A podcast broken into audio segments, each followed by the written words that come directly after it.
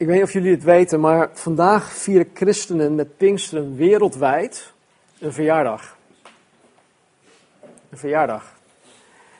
En dan moet je niet zo bij de hand zijn, ja oké, we, we vieren de verjaardag van Pinksteren. Nee, we vieren de verjaardag van de gemeente, van de kerk. Ja, absoluut. Want de kerk van Jezus Christus is op Pinksteren 2000 jaar of zo rond 2000 jaar geleden geboren. En dat wordt elk jaar op Pinksteren gevierd. Nou, Pinksteren zoals wij dat kennen, dat is terug te vinden in uh, Handelingen hoofdstuk 2. En veel kerken zullen het vandaag ook heel specifiek over Pinksteren gaan hebben. Maar omdat ik heel graag Matthäus 24 in wil duiken, dat hebben we vorige week al overgeslagen, slaan wij uh, deze keer de Pinksterboodschap over. Nou, mocht je alsnog meer over Pinksteren willen weten, dan kan je als altijd op de website kijken. We hebben jaren geleden um, uitgebreid gesproken over Handelingen 2. En uh, tussendoor ook nog, maar goed, als dat echt uh, nodig is, dan kan je er altijd terecht.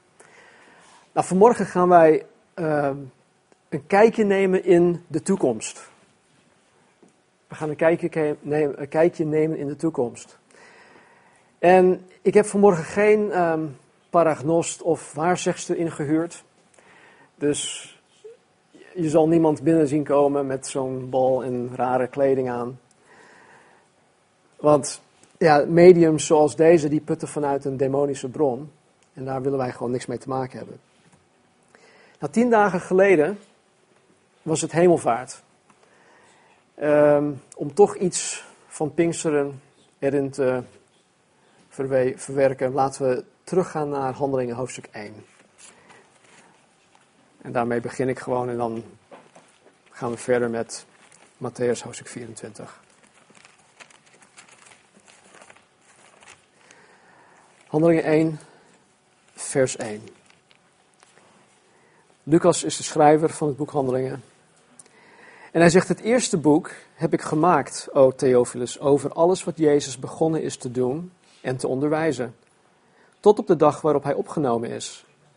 Nadat hij door de Heilige Geest aan de apostelen, die hij uitgekozen had, opdracht had gegeven. Hij heeft zichzelf, nadat hij geleden had, ook levend aan hen vertoond met veel onmiskenbare bewijzen, veertig dagen lang, waarbij hij door hen gezien werd en over de dingen sprak die het koninkrijk van God betreffen.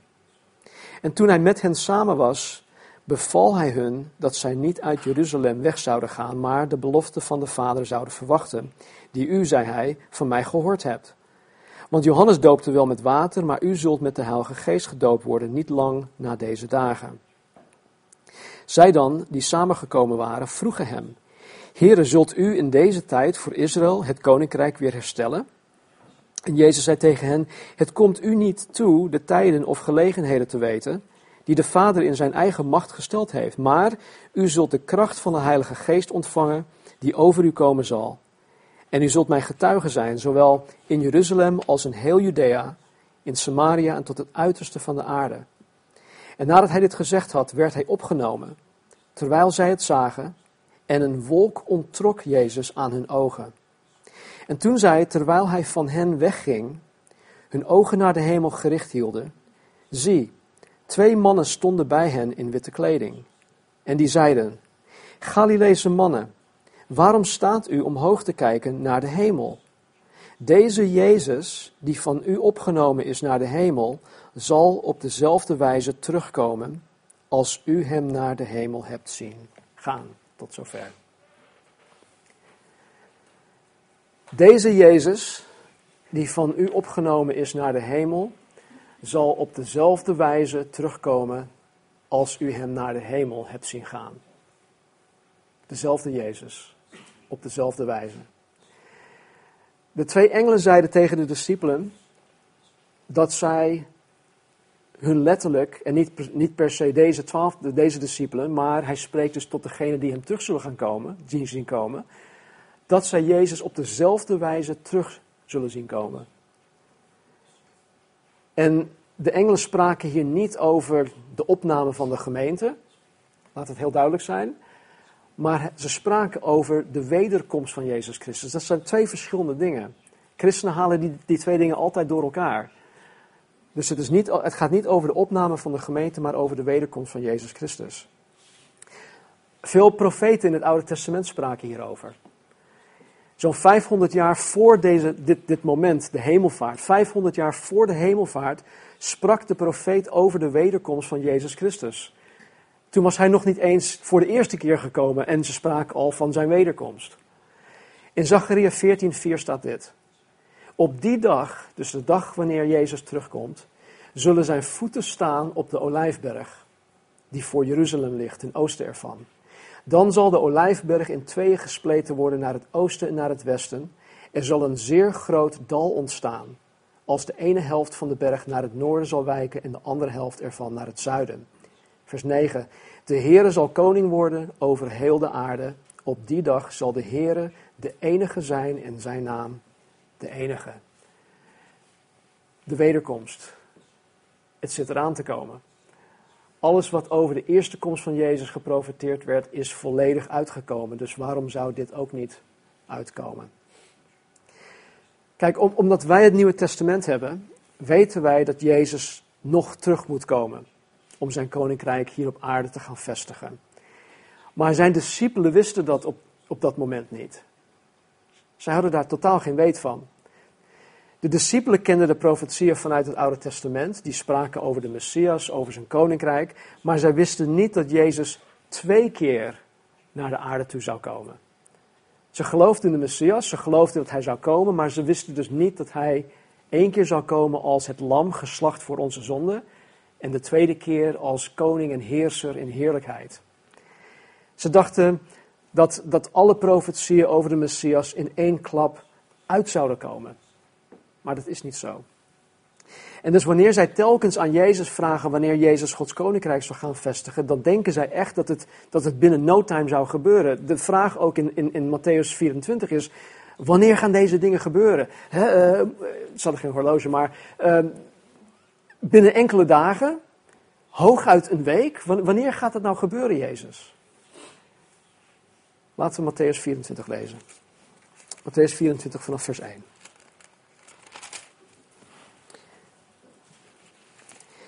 En Jezus ging weg en vertrok uit de tempel. En zijn discipelen kwamen naar hem toe om hem op de gebouwen van de tempel te wijzen. Jezus antwoordde en zei tegen hen: Ziet u dit alles? Voorwaar, ik zeg u, hier zal, niet, hier zal niet één steen op de andere steen gelaten worden, die niet afgebroken zal worden. Toen Jezus op de olijfberg zat, gingen de discipelen naar hem toe en zij, of gingen naar Jezus toe toen zij alleen waren. En ze zeiden, Jezus, zeg ons, wanneer zullen deze dingen gebeuren? En wat is het teken van uw komst en van de voleinding van de wereld?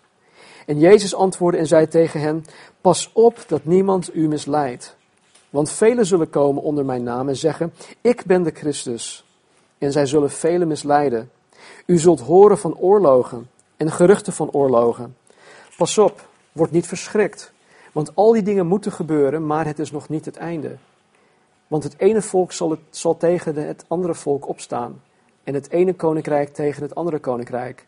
En er zullen hongersnoden zijn en besmettelijke ziekten en aardbevingen in verschillende plaatsen.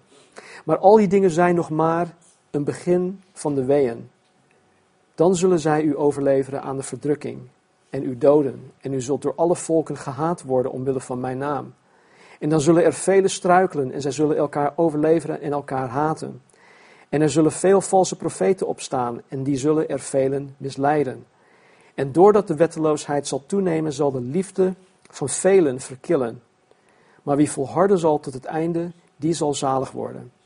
En dit evangelie van het koninkrijk zal in heel de wereld gepredikt worden, tot een getuigenis voor alle volken. En dan zal het einde komen. Tot zover.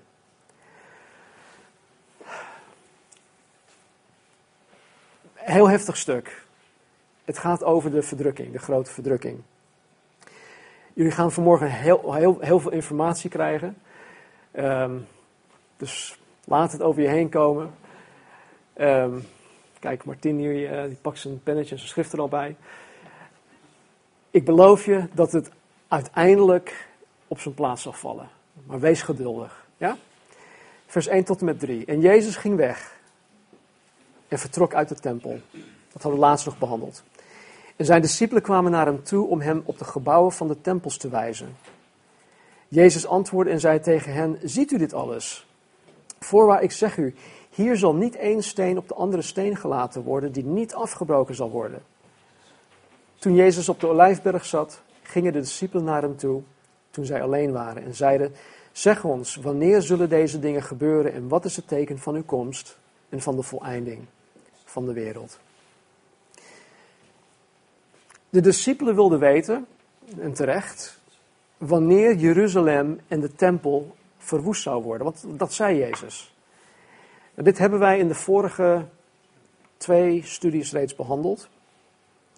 Ze vroegen Jezus ook om een teken van het aanbreken van het Messiaans Rijk. Het aanbreken van Gods Koninkrijk. Nou, door te vragen, wat is het teken van uw komst, wilden zij weten wat het, het start zijn van Jezus bewind was. En met andere woorden, uh, Jezus, aan, aan wat kunnen wij zien dat u uw plaats gaat innemen als de lang verwachte wereldleider? Wat is het start zijn? Wat is het groen licht? Nou, twee Griekse woorden zijn hierin belangrijk om, om, om heel goed te begrijpen. Eén is dit, misschien hebben jullie het wel eens gehoord, parousia. Het is een oud-Grieks woord dat hier vertaald wordt als Jezus komst, zijn komst, parousia. En het betekent aanwezig zijn en het betekent ook iemands komst. Dus iemands komst om aanwezig te zijn en om te blijven. Dus parousia betekent aanwezig, komst en komst om te blijven. Met betrekking tot Jezus heeft parousia in het Nieuw Testament altijd te maken met zijn wederkomst. 2000 jaar geleden is hij gekomen, hij is weer naar de hemel gegaan. Hij kwam niet om te blijven, er was geen sprake van parousia. Wederkomst, tweede komst, hij komt om te blijven. Een ander woord, het tweede woord, is aion. En het is een oud-Grieks woord dat hier vertaald wordt als wereld. Wereld. En het betekent niet zozeer wereld als, als wij dat misschien denken van aarde of aardbol. Nee, het betekent tijdperk of tijdvak. Aion wordt ook vertaald in de Bijbel als eeuw. In Matthäus 12, 32 is een goed voorbeeld. Jezus had het over um, het lasteren van de Heilige Geest. En als je dat doet, dan zal, zal, die zonde nooit vergeven worden, enzovoort, enzovoort. En zegt hij op een gegeven moment dit. En wie een woord spreekt tegen de zoon des mensen, dus tegen Jezus zelf in die tijd, het zal hem vergeven worden. Dus uh, als iemand tegen Jezus op dat moment had gezegd van, joh, ik geloof totaal niet in jou, je, je bij wijze van spreken, heel plat gezegd, Jezus, je kletst uit je nek. Als die persoon tot, tot bekering was gekomen, dan was het hem vergeven, helemaal geen probleem. Dus wie een woord spreekt tegen de zoon des mensen, het zal hem vergeven worden. Maar wie tegen de Heilige Geest spreekt, het zal hem niet vergeven worden. Niet in deze eeuw, niet in deze aion en ook niet in de komende eeuw of aion. Dus het spreekt van een, een, een huidig tijdperk en een komend tijdperk. En hier maakt Jezus duidelijk verschil tussen deze twee. Dus wanneer de discipelen in vers 3 vragen: wat is het teken van uw komst en van de voleinding van de wereld? dan bedoelen ze eigenlijk hetzelfde. De volleinding van de wereld wil zeggen, dit is het Centrum voor, uh, voor Bijbelonderzoek, de vol, en ik citeer het, de voleinding van de wereld wil zeggen het einde van de tegenwoordige wereld, aion, bij de komst, de parousia, van Jezus in heerlijkheid. Nou, vers 4. En Jezus antwoordde en zei tegen hen, pas op dat niemand u misleidt. Want velen zullen komen onder mijn naam en zeggen, ik ben de Christus. En ze zullen velen misleiden. Nou, wat wij um, voor ogen moeten houden, is dat Jezus het tot en met vers 28 um, ehm, tegen het Joods volk heeft over de grote verdrukking. Tot en met, tot en met vers 28. Hij, hij praat hier wel op dat moment op de Olijfberg met zijn discipelen. Maar wat ik twee weken geleden ook al, ook al had gezegd, dat heet, um, ah, ik, moest het eigenlijk opzoeken. Ehm, anyway, maakt niet uit. Hij spreekt deze woorden tot, uh, of hij, hij praat hier wel met de discipelen, maar uiteindelijk spreekt hij deze woorden tot de Joden in de toekomst. Het is profetisch. Hij spreekt tot de Joden die in de grote verdrukking zullen zijn. Nou, je moet je voorstellen hoe het voor de Joden straks zal zijn. Dan heb ik het, dan heb ik het na de opname van de gemeente. Dan zijn wij allemaal weg. Het Joods volk gelooft nu, dus vandaag de dag, en straks ook nog niet dat Jezus een Messias is. Vraag het dan niet. Ze geloven niet dat Jezus hun Messias is en straks ook nog niet. Dus tijdens de grote verdrukking zullen zij nog steeds op zoek zijn naar hun lang verwachte Messias.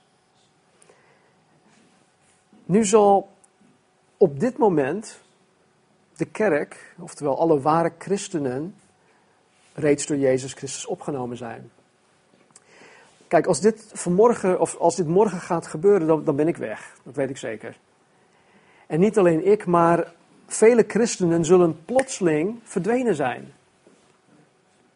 Wat denk je dat dat met de wereld zou gaan doen? Dit zal wereldwijd een ongekende chaos veroorzaken. En ik geloof dat de complexiteit in het Midden-Oosten vandaag helemaal niets voorstelt vergeleken met hoe het straks zal zijn. De problematiek in het Midden-Oosten is nu al niet op te lossen. Wie heeft daar nou een oplossing voor? Niemand. En laat staan wanneer het straks nog veel meer ingewikkeld zal worden. En het zal voor Israël alleen maar moeilijker worden. En juist omdat het voor Israël moeilijker wordt, zullen zij des te meer vatbaar zijn om misleid te gaan worden. En over die periode zei Jezus tegen de Joden dat zij zich daadwerkelijk zullen laten misleiden. In, ehm, in Johannes hoofdstuk 5. Jezus wordt ehm, aangevallen door de, de Joodse leiders.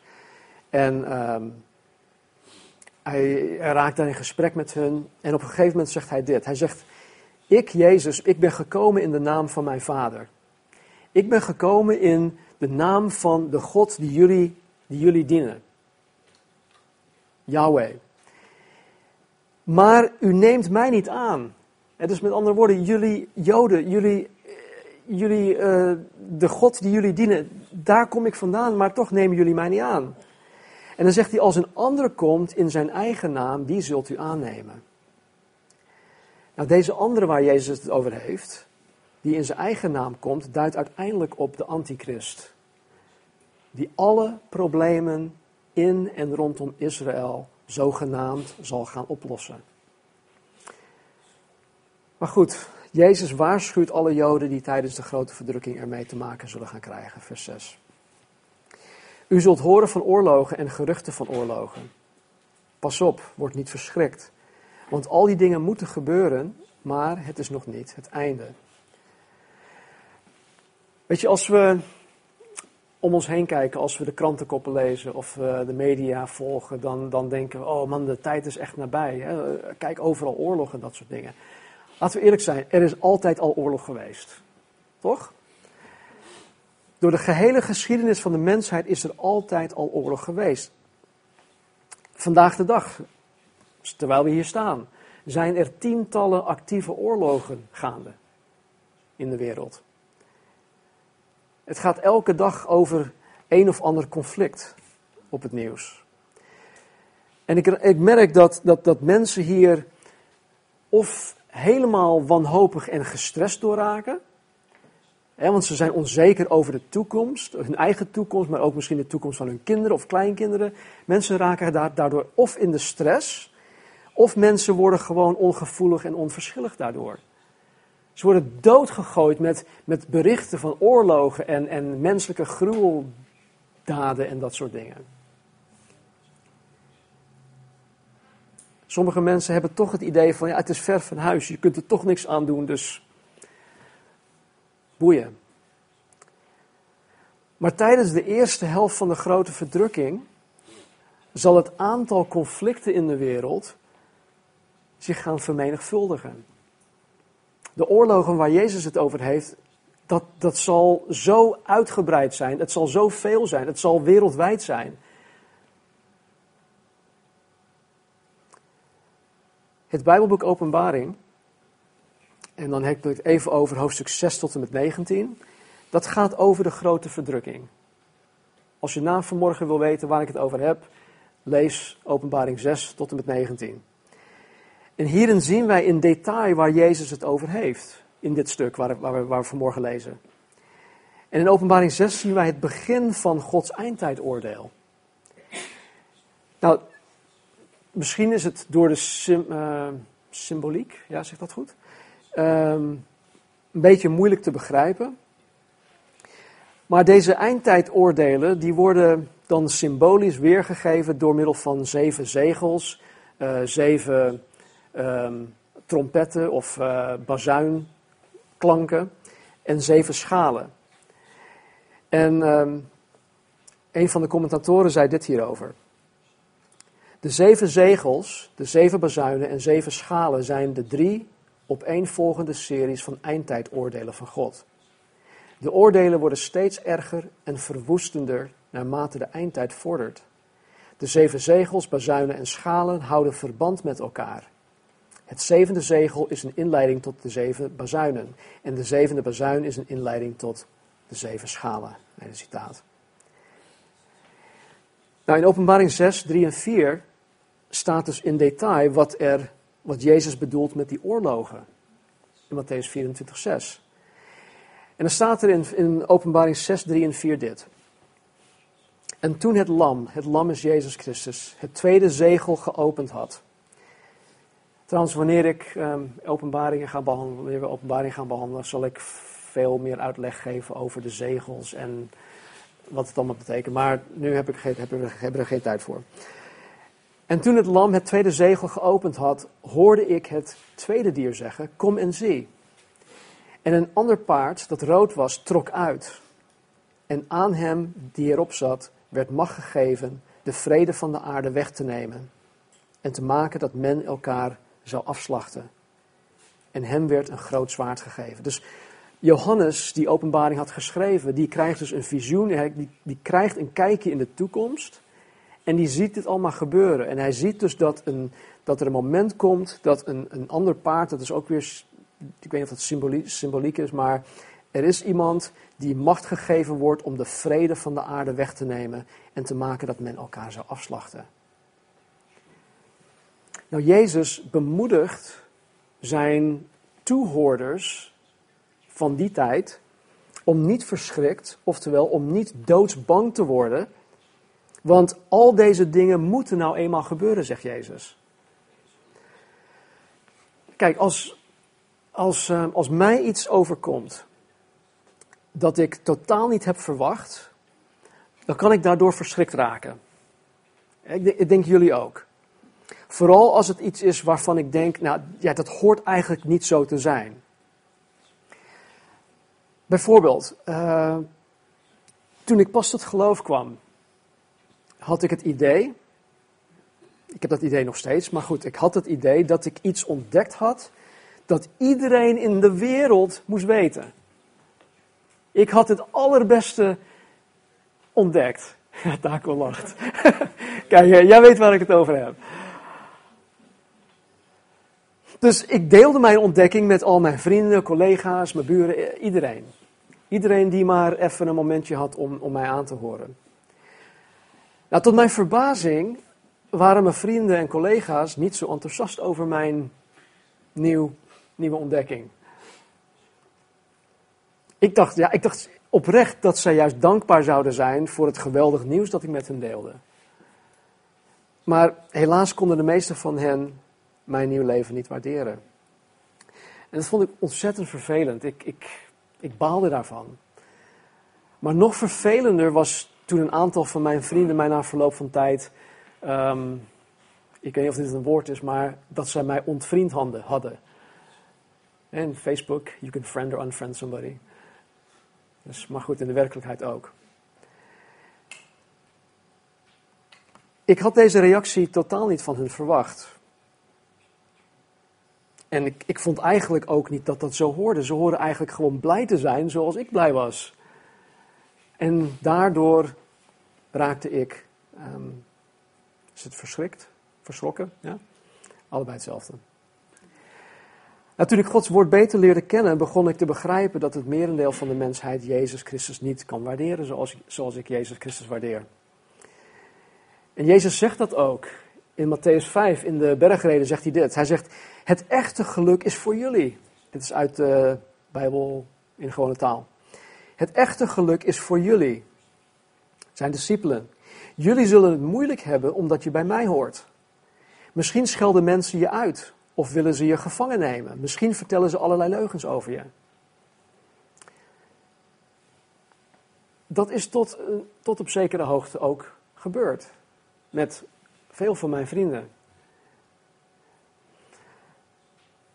Jezus stelt hen hier op de hoogte.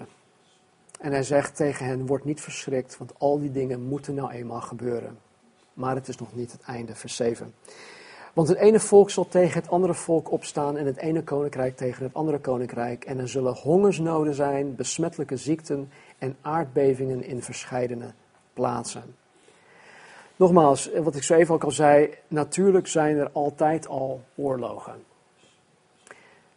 Er is ook altijd al hongersnood geweest, besmettelijke ziekten, aardbevingen, natuurrampen, door de gehele geschiedenis door. Maar de schaal van deze dingen, tijdens de, die tijdens de grote verdrukking plaats zullen nemen, of plaats zullen vinden, is, is ongekend. Wij, wij, kunnen, wij kunnen er niet, uh, niet bevatten wat en hoe het eruit zal gaan zien. Het, zal on, het is ongekend. Weer in Openbaring 6, 5 tot 8 staat dit hierover. En toen het lam, Jezus, het derde zegel geopend had, hoorde ik het derde dier zeggen: Kom en zie. En ik zag een zwart paard. En hij die erop zat, had een weegschaal in zijn hand. En ik hoorde te midden van de vier dieren een stem zeggen: Eén maat tarwe voor een penning. Een penning is een denari, dat is een, een dagloon. Een maat tarwe, dat is gewoon een, een maatbeker. Hele, duur, hele dure tarwe is dat. Eén maat tarwe voor een penning en drie maten gerst voor een penning. En toen het lam het vierde zegel geopend had, hoorde ik de stem van het vierde dier zeggen: Kom en zie. En ik zag en zie een grauw paard en die erop zat, zijn naam was de dood. En het rijk van de dood volgde hem. En hun werd macht gegeven over het vierde deel van de aarde om te doden met het zwaard, met honger, met de dood en door de wilde dieren van de aarde. Nogmaals, dat is, dat is, we kunnen dat niet bevatten. Een vierde deel van de mensheid. Op basis van de huidige wereldbevolking is een vierde deel zo'n 1,8 miljard mensen. Dat is op basis van de huidige wereldbevolking. 1,8 miljard mensen. verwoest, vernietigd. Voor onze beeldvervorming telt heel Europa, niet alleen de EU, maar heel Europa, Noord, Midden- en Zuid-Amerika bij elkaar zo'n 1,6 miljard mensen. Een vierde deel is 1,8 miljard mensen. Ik kan me daar niks bij voorstellen.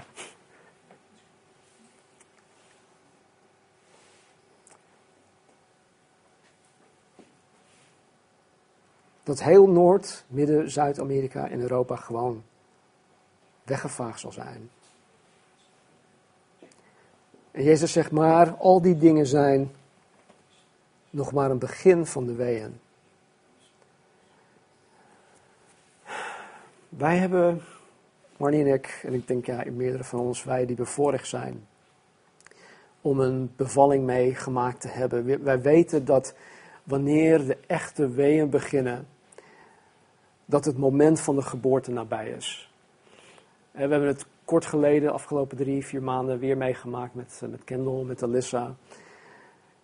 En wanneer het, uh, hoe zeg je dat, het water breekt, zeg dat goed? Ja. Dan weet je gewoon eh, dat het nabij is. En Jezus vergelijkt al deze gebeurtenissen die hij net genoemd had met weeën. Met andere woorden, zijn wederkomst zal nabij zijn wanneer men al deze dingen ziet gebeuren.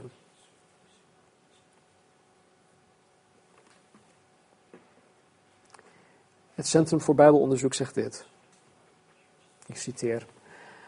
Al deze dingen zijn slechts een voorspel van nog ergere, gebeurtenissen die vlak voor de wederkomst van Jezus zullen plaatsvinden. Een verdrukking zoals de wereld nooit eerder gekend heeft. Ze zijn het begin van de barensweeën die aan de wedergeboorte van de wereld moeten voorafgaan. Einde citaat. Vers 9.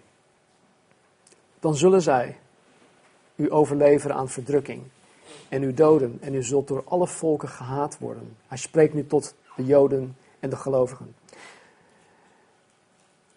Omwille van mijn naam. En dan zullen er velen struikelen, ze zullen elkaar, elkaar overleveren en elkaar haten. En er zullen veel valse profeten opstaan en die zullen er velen misleiden. Ik weet niet of jullie er ooit bij stil hebben gestaan, maar tijdens de grote verdrukking zullen er velen tot geloof komen in Jezus Christus. Zowel Joden als niet-Joden. Volgens Openbaring 7, vers 9 zal het een menigte van gelovigen zijn die niemand tellen kon. Uit alle naties, uit alle stammen, uit alle volken, uit alle talen. Mensen die tijdens de grote verdrukking, die periode van zeven jaar, tot geloof in Jezus Christus gaan komen. Nou, voor hen zal het vele malen moeilijker zijn om een christen te zijn dan, dat het voor ons is. En Jezus voorzegt dat er straks een wereldwijde christenvervolging zal zijn. Hoe het voor hun straks zal zijn, is een beetje, maar een beetje denk ik, te vergelijken met hoe het momenteel voor de christenen in Syrië en in Noord-Irak is. Die mensen die worden op een gruwelijke wijze gewoon afgeslacht. Ik werd onlangs uh, benaderd door iemand die, um, die daar werk doet in Noord-Irak om mensen die door het ISIS gehandeld worden, en mensenhandel, mensensmokkel, om iemand uit dat land te helpen. We zijn daar achter de schermen nu mee bezig. Als die verhalen hoor, joh, als ik, als ik um, afbeeldingen zie van, van wat voor dingen daar gebeuren met christenen. En dan heb ik zoiets van, joh, waar hebben wij het dan over? Weet je, dan, dan voel ik me zo verwend als een westerse christen.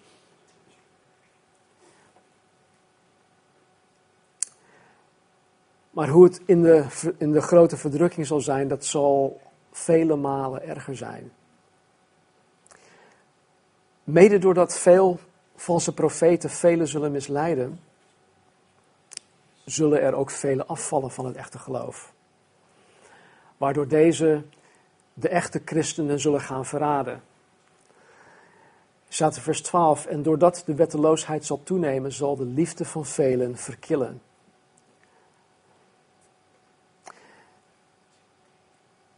Ik kan me er niks bij voorstellen. Ik heb wel eens filmen, films gezien over doomsday scenario's en uh, apocalypse en dit en dat. En dat, dat, ja, dat weergeeft misschien een beetje van hoe het eruit zal zien. Maar ik geloof dat omdat er dan totaal geen sprake meer zal zijn van, van recht, of rechtvaardigheid, of fatsoen, of medeleven, barmhartigheid, zal, zal er een situatie ontstaan waarin niemand meer te vertrouwen is. Het is nu al erg genoeg als je, als je mensen niet kan vertrouwen. Maar stel je voor dat er daadwerkelijk een islamitische staat tot stand komt, wereldwijd, die de hele sharia-wetgeving wil gaan uh, implementeren. En dat je dan als christen daar rondloopt. Iedereen, zelfs je man of je vrouw, je ouders of je kinderen, zullen verdacht zijn. Je kan niemand vertrouwen. Liefde voor de medemens zal ver te zoeken zijn. Want ieder zal voor zich gaan leven. Iedereen wil straks letterlijk zijn eigen, eigen hachje gaan redden.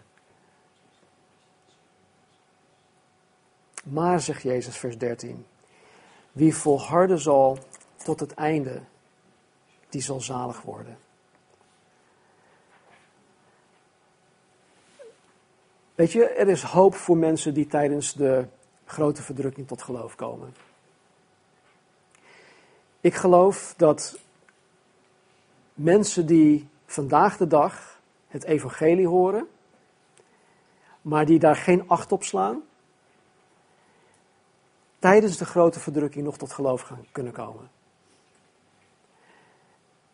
Ik maak soms wel eens grapjes met, me, met, met, met, met mijn dochter. Dat is echt een hele flauwe grap. Maar uh, mijn jongste dochter, ja, die is er niet bij, maar die, uh, jammer. Maar af en toe dan zegt ze, oh ja pa, uh, u heeft beloofd hè, dat u mij dit gaat achterlaten, dit gaat nalaten en dit. Hè, dat krijg ik toch? Dan heeft het over hele kleine dingen. Dus ik heb een pen bijvoorbeeld van, van Xerox van 1986. Goed, dat wil zij per se hebben. Ik zeg, ik zeg schat, als jij, als jij nu niet met Jezus gaat wandelen, dan mag je alles hebben wanneer ik opgenomen word. Weet je, dat is natuurlijk, ik, we maken daar grappen over. Maar stel dat, stel dat mijn dochters, onze kinderen, dus niet tot geloof komen. En Marnie en ik zijn in één keer weg. Dat zal hun zeker aan het denken zetten. En ik geloof dat zij, stel dat dat zo gaat, dat zij dan tijdens de grote verdrukking wel tot geloof kunnen gaan komen. Maar voor hen zal het miljoenen malen moeilijker zijn om christen te zijn in die periode dan het vandaag de dag is. Het probleem vandaag is, is dat we te veel vrijheid hebben. Te veel keus. Ik kan dat kiezen, dat, dat, dat, dat, dat. Uh, welke kies ik? Uh, Jezus? Nee, nee, dit, toch deze kant op. Weet je, dus elke waarachtige volgeling van Christus in de grote verdrukking krijgt hier van Jezus de belofte dat zij uiteindelijk zalig, oftewel gered zullen worden. Maar de sleutel hierin is wat hij zegt, maar wie volharden zal tot het einde.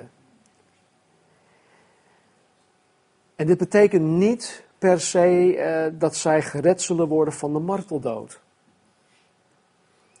Nee, wie volharden zal tot het einde zal zalig worden. Het einde is of het einde van hun, hun, hun aards leven hier op aarde, of het einde van de grote verdrukking wanneer Jezus Christus terugkomt.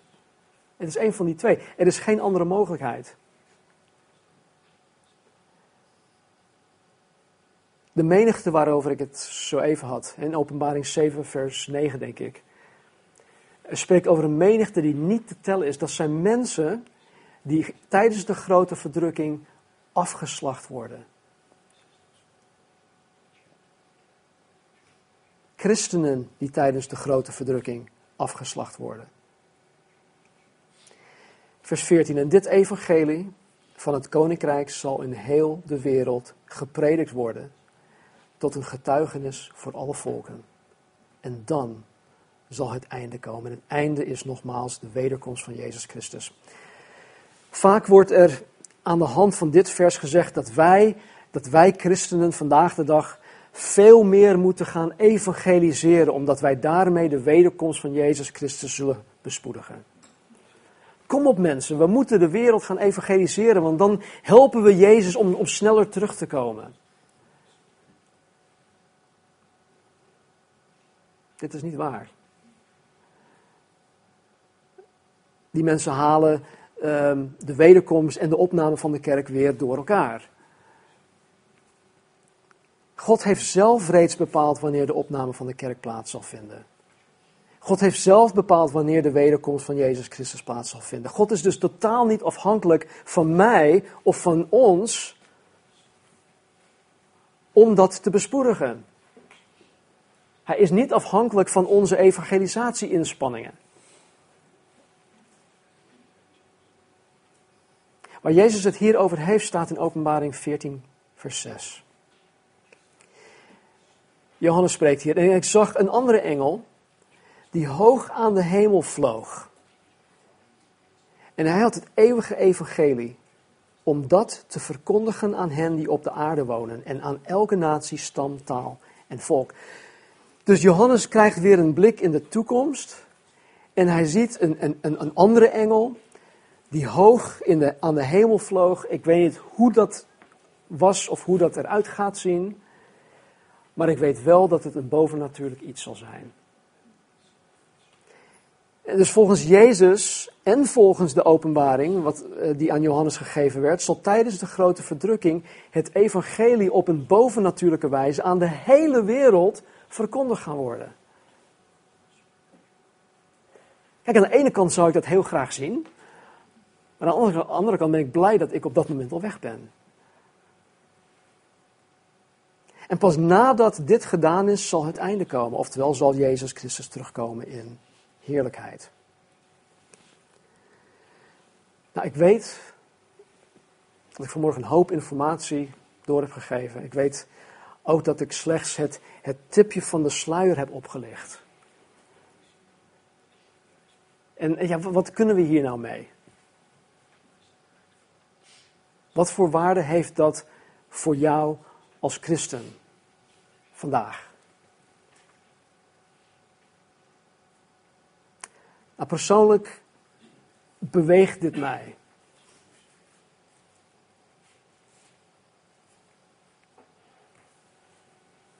Ik hoop dat dit jullie ook beweegt. Ik moet er niet aan denken dat mijn kinderen of kleinkinderen, mijn geliefden, familieleden, vrienden, collega's, buren, whoever, de grote verdrukking mee moeten maken. Ik moet er echt niet aan denken. Dus hoe meer ik me verdiep in hoofdstuk 24 en 25, en ook in Openbaring, ook in het boek Daniel, waar het spreekt over de eindtijd, hoe meer ik me uh, daarin verdiep, hoe meer ik weet wat de wereld te wachten staat. En hoe meer ik persoonlijk weet wat de wereld te wachten staat, hoe meer bewogen ik zal zijn met mijn medemens. Hoe meer ik mensen wil vertellen dat Jezus Christus hun, hun onvoorwaardelijk lief heeft.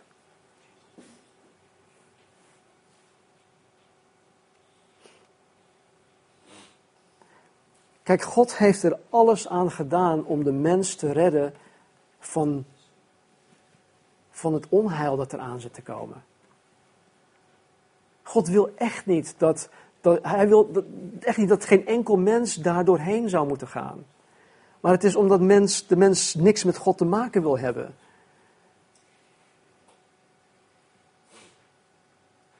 Ze willen niks met Jezus Christus te maken hebben.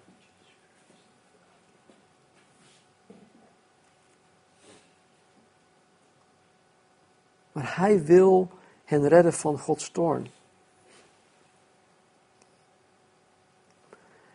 Kijk, het is een, het is een spanningsveld. Hè? Kijk, aan de ene kant moeten we mensen waarschuwen van mensen luisteren, dit zit er aan te komen. Maar als we alleen dat doen, dan, dan, ja, dan, dan wek je misschien een bepaalde angst in mensen. En een angstevangelie is geen evangelie, want het evangelie is goed nieuws. En aan de andere kant horen wij mensen te vertellen dat, dat er een God is, een levende God, die, die onvoorwaardelijk van mensen houdt. Die, eh, die levens wil, wil vernieuwen en, en helpen, opbouwen en, en gewoon het leven wil geven. Dag aan dag wil leiden, wijsheid geven. Alles wil geven. Leven in overvloed, zei Jezus, daarvoor ben ik gekomen. Maar als we alleen maar zeggen, oh ja, eh, God houdt van je, God houdt van je, God houdt van je, dan is dat ook weer een, een, een eenzijdig beeld. Weet je, natuurlijk houdt God van ons. Natuurlijk heeft Hij het alleen het allerbeste voor ons voor ogen. Maar daar ergens tussenin, daarin moeten wij ons bewegen. En we hebben de Heilige Geest nodig om te weten wat en wanneer wij over wat moeten praten met mensen. Als we mensen alleen maar om de oren slingeren met uh, je moet je bekeren, anders ga je naar de hel. Of, anders ga je door de, de grote verdrukking heen. Nee, dat, dat werkt niet. Dat werkt averechts. Dan stoot je mensen af. En daarom heb ik en jullie elke dag de Heilige Geest nodig om precies aan te kunnen voelen. Wat heeft die persoon die tegenover mij staat nodig? Hoe kan ik die persoon met de liefde, met de rechtvaardigheid, met de, de, de, de trouw van God bereiken? God, wat moet ik zeggen? Heer, welke vragen moet ik stellen? Wat kan ik doen? Moet ik überhaupt iets zeggen? Of moet ik gewoon iets voor die persoon doen?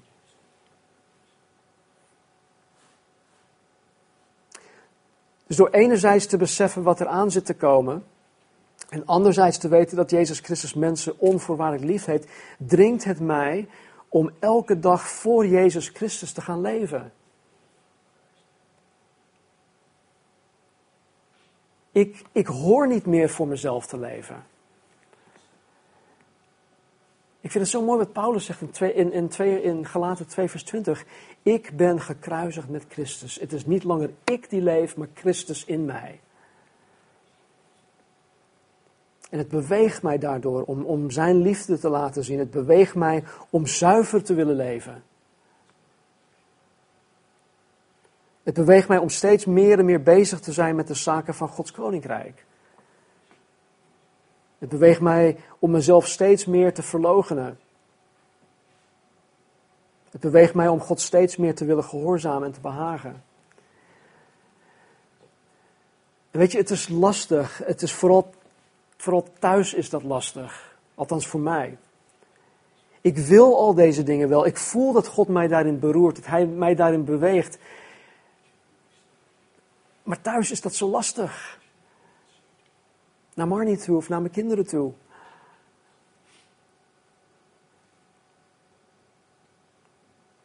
Maar ik weet dat God met mij bezig is. Ik weet dat God met mijn, mijn gezin bezig is. En hij laat al deze dingen in ons leven toe, juist omdat hij ons wil omvormen naar zijn beeld. Om meer en meer als Christus te gaan lijken en worden. Laten we het hierbij houden. Laten we bidden. Hemelse Vader, dank u wel dat u zo ver gegaan bent om ons te willen redden. Heren van uw eigen toorn. Dat over de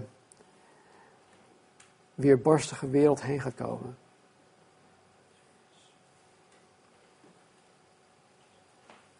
Heer, u zegt in uw woord dat u totaal geen plezier hebt in de dood van een onrechtvaardige.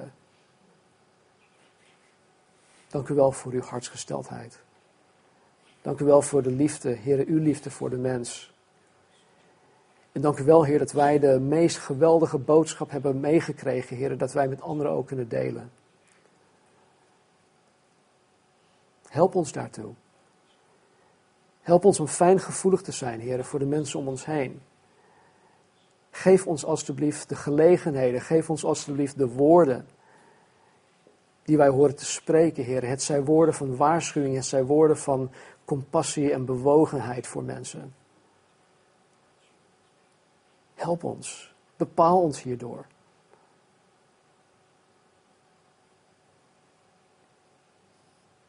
En Heer, Mocht er iemand zijn die nog niet bewust gekozen heeft voor Jezus Christus, heren, beweeg hun hart daartoe. Vader, niet uit angst, maar gewoon doordat uw Vader, door de Heilige Geest, hen trekt naar Jezus toe. En hen de waarheid laat zien, heren, over wie Jezus Christus is. En dat wat wij vanmorgen gelezen hebben, gehoord hebben, heren, dat dat niet flauwekul is, Heer, maar dat het de waarheid is. Help ons, Heer. Beweeg ons. Verander ons. Opdat we meer en meer op U zullen gaan lijken. Opdat we meer en meer mensen met ons mee zullen gaan nemen. De eeuwigheid in. In heerlijkheid. Heer, ik weet dat dit uw wil is. En ik weet dat wanneer wij bidden naar uw wil, dat u dat u het geven zal. Dus ik dank u daarvoor. Zegen, Heer, en ieder vanmorgen. Laat uw Heilige Geest, Heer, doorwerken door deze boodschap heen. Laat uw Heilige Geest, Heer, doorwerken in de harten en in de gedachten, Heer, de hele week door. En laat uw woord niet ledig tot u terugkeren. Maar laat uw woord tot het doel komen waartoe u het gezonden hebt. Dank u wel. In Jezus' naam. Amen. Amen. Laten we gaan staan.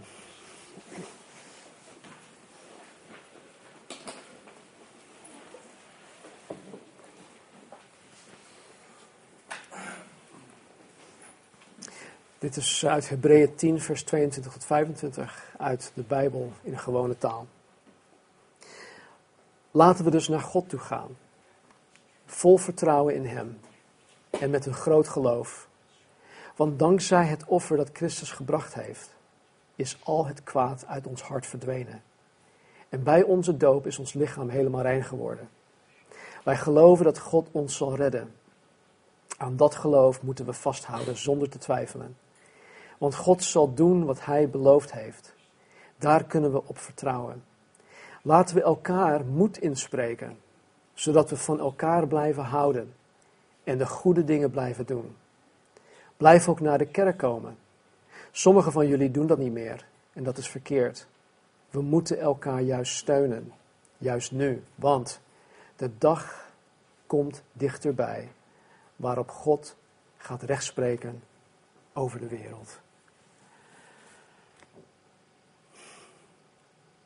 De dag komt dichterbij waarop God gaat rechtspreken over de wereld.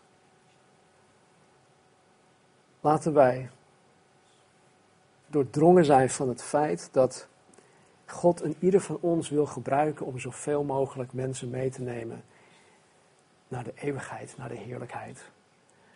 Dat Hij ons wil gebruiken om zoveel mogelijk mensen te redden van de dag des oordeels. Dus blijf elkaar moed inspreken, zodat we van elkaar blijven houden en de goede dingen blijven doen. Maak gebruik van de gelegenheid na de dienst om juist dat te doen. Niet over het mooie weer te praten, of over voetbal, of ik weet niet eens of voetbal nu gaande is, maar over andere dingen. Heb het over deze dingen. En God zegen jullie. In Jezus' naam. Amen.